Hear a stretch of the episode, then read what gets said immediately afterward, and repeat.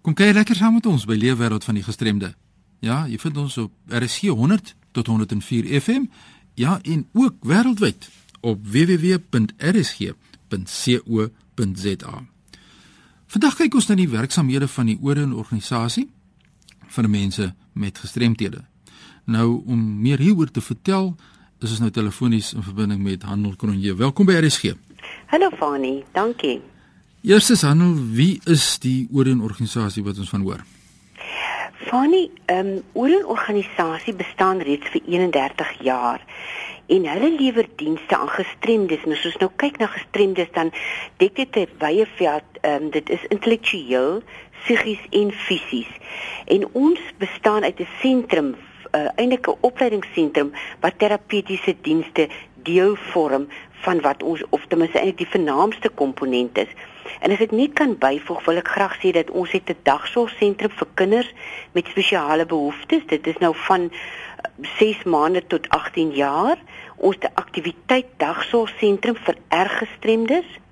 Ons het 'n kunstsentrum waar kuns uh, gedoen word deur hierdie gestremde persone residensiële fasiliteite en hier kyk ons na 6 groephuise wat op die oomblik 60 uh van mense met 'n gestremdheid uh gestremdheid uh huisves.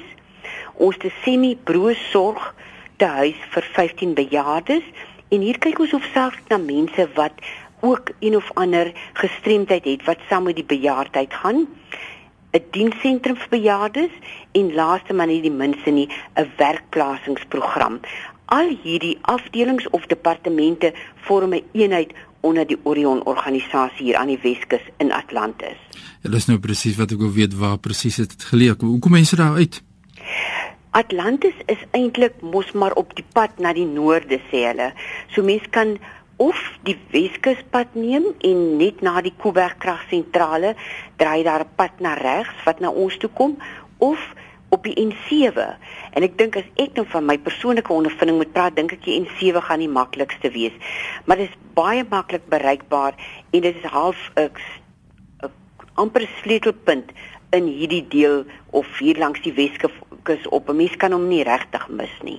Nou ja dit is die kontak besonderhede waar jy hulle dan vir die Orient organisasie in die hande kan kry en ek gesels nou met Handel Kronje. Ons gaan nou kyk na die verskillende fasiliteite wat julle daar het. Jy het nou verwys na behuising. Ons kyk na werksentrums jy gesê. Hoeveel mense uh, trek nou voordele uit? Op die oomblik het ons 112 mense wat elke dag hier by ons werk. Ons kan uit die aard van die saak meer mense akkommodeer, maar op die oomblik is daar 112 en van hulle of die meeste mense wat hier by ons woon, in die behuisingsfasiliteite werk dan ook in die werksentrums. En die ander mense wat daar werk, kom uit die omgewing uit. Ons is so gelukkig om die fasiliteite hiervan vervoer vir mense wat nie te ver bly nie. Ongelukkig is dit beperk tot Atlantis self, maar hulle word soggens op 'n bepaalde punt opgetel. Daar's sekere punte in die dorp waar ons die optelwerk doen en dan word hulle gebring tot by die sentrum. En hier werk hulle soos 'n gewone persoon in diens van 'n firma die werksure van van so iets. So daar's 'n groot vorm van amper werksetiek en 'n werkskedule wat deel vorm van hierdie hele proses. Ja, ons wil graag leer as baie soortgelyke projekte in Suid-Afrika en so wil ons leer ook by julle die Orion organisasie die opleiding wat die mense ontvang by die werksentrum spesifiek. Okay. Weet jy, ehm um, Fanny, dis nogal belangrik om te noem dat hierdie werk wat ons hier doen, is kontrakwerk wat ons doen vir firmas wat ehm um, dit aan ons toesê. En ek net om 'n paar te noem, ons werk vir GAT, ons werk vir TRW, Kitech, Bokumo, Hangerman, Powertech, AMC Classic, Mondi, ehm um, Eisterplaat Medical Services. So daar's 'n hele komponent van mense wat ehm um, vir ons werk gee wat deur ons mense met gestremthede gedoen kan word. En wanneer ons nou kyk na opleiding, kyk ons baie spesifiek na die vlak van ontwikkeling van elkeen van die persone met gestremdheid. Met ander woorde ons kyk nie net na hulle hoe half in 'n geheel en besluit dan ons sit soveel van hulle in die kontrak en soveel in die ander kontrak nie. Daar word gekyk na elke persoon as individu met sy sterk en swak punte en so word besluit by watter kontrak gaan hulle ingeskakel word. En in diensopleiding wat hulle kry, is dan ook spesiaal gefokus op die werk waarby hulle betrokke is. En wanneer so 'n werk na ons toe kom, kom daar gewoonlik van die verteenwoordigers van die firma om die indiensopleiding te kom gee. En dan word daar 'n paar dae natuurlik uit die aard van die saak stadiger gewerk net om die mense in die patroon te bring van hoe dit gedoen word. En in sommige gevalle soos in die geval van Bokomo waar ons ook vir hulle verpakking doen, word die mense in diens opgelei. Ons doen 'n assessering en hul sertifikaat wat sê hulle het die vermoë om hierdie werk te doen. So net om terug te kom na jou vragie, Ja, hulle word opgelei, maar elkeen in die spesifieke taak wat hulle verrig. Iets wat my interesseer is die montering van lugsakke en veiligheidsgordels vir motors nou. Vertel ons bietjie meer daaroor.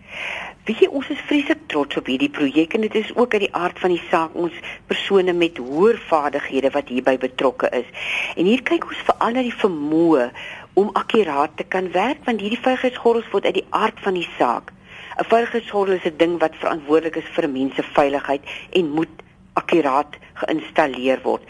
So akkuraatheid is primêr konsentrasie, die vermoë om die groter prentjie te sien en dit is nogal belangrik dat die mense wat die werk aan ons verskaf inkom en dan vir die mense met gestremthede verduidelik waar lê hulle rol in die groter prentjie van die motorvervaardiging.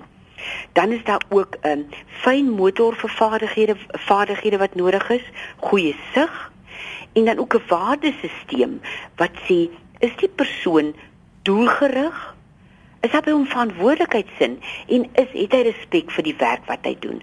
So dit gaan eintlik meer as amper net die vaardighede. Dit gaan ook oor 'n trots en 'n sin vir waarde vir die werk wat gedoen word.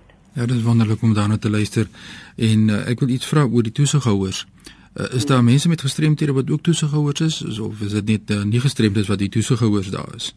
Fanny, weet jy ons is gelukkig dat ons het nou tans 9 toesighouers wat baie jaar van ondervinding reeds het in in in die werk wat hulle doen en a, wat 'n passie het vir die werk waarby hulle betrokke is.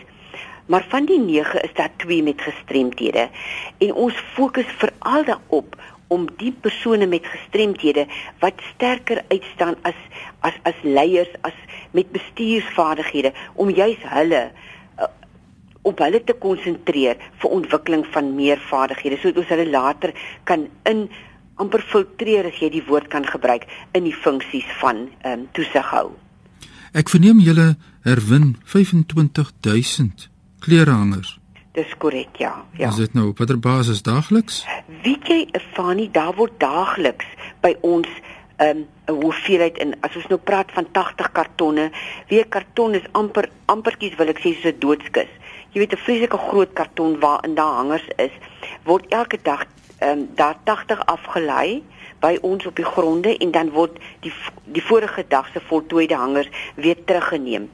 En ons het juis uh, hier is dissipline en koördinasie ook verskriklik belangrik.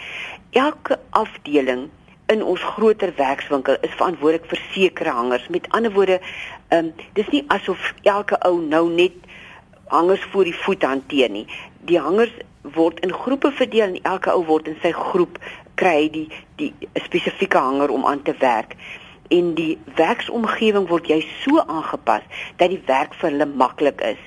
Uh, daar's mense met reistoole, daar's mense wat blind is.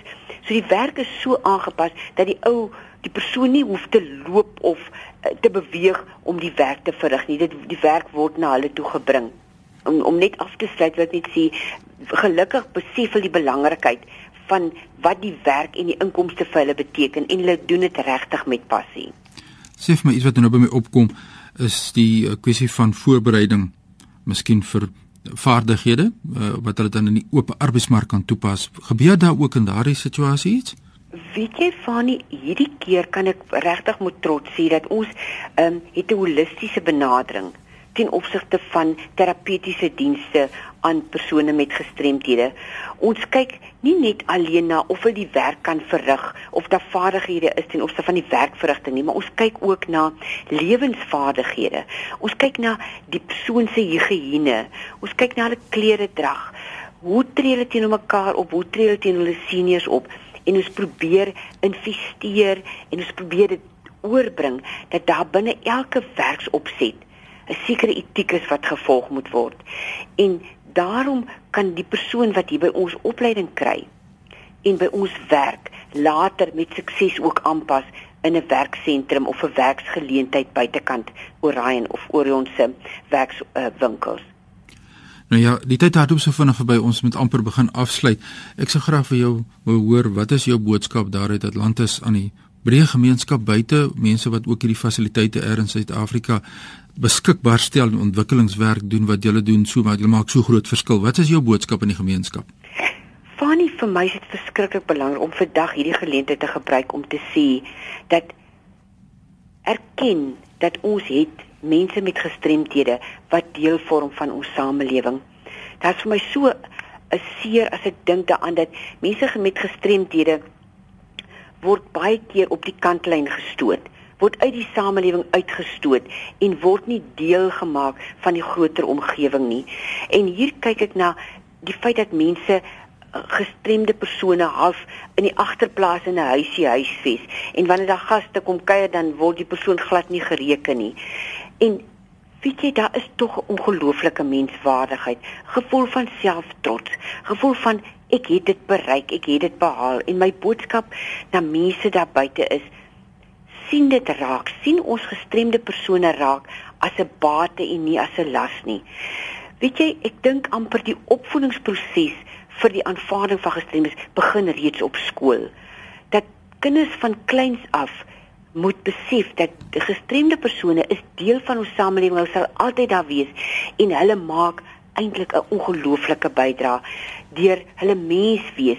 Ons leer so baie uit die motivering wat hulle vir ons kan gee. En as ek dink aan ehm um, die mense daar buite, wil ek net sê, kom besoek vir ons, kom kuier vir ons. Skakel met ons en ek gaan nou die telefoonnommer gee. Ja, asseblief, gee vir ons deel. jouself met wat ons doen en word deel van ons vriendskapskring, mense wat deel vorm van die uh, uh dienslewering binne ons organisasie identifiseer jou met die werk wat ons doen, die produksielyne waarby ons betrokke is. En dalk is daar nog mense wat wil sê asseblief help vir ons om seker van ons werk te doen.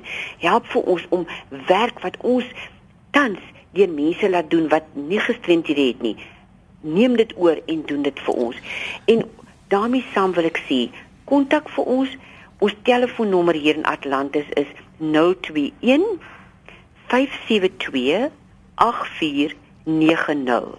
Dit is 'n kontakbesonderhede van die Orion organisasie en dit is Hanel Kronje wat so lekker met ons gesels het. Baie sterkte aan julle daar, hoor. Baie dankie. Totsiens. Nou ja, indien enige navrae voorstel het in hierdie program, asseblief stuur sommer e-pos nou aan my by fani.dt by mweb.co.za. Kom ons kom na vore met geleenthede wat daar bestaan vir ons mense met gestremthede in Suid-Afrika. Groetnis uit Kaapstad.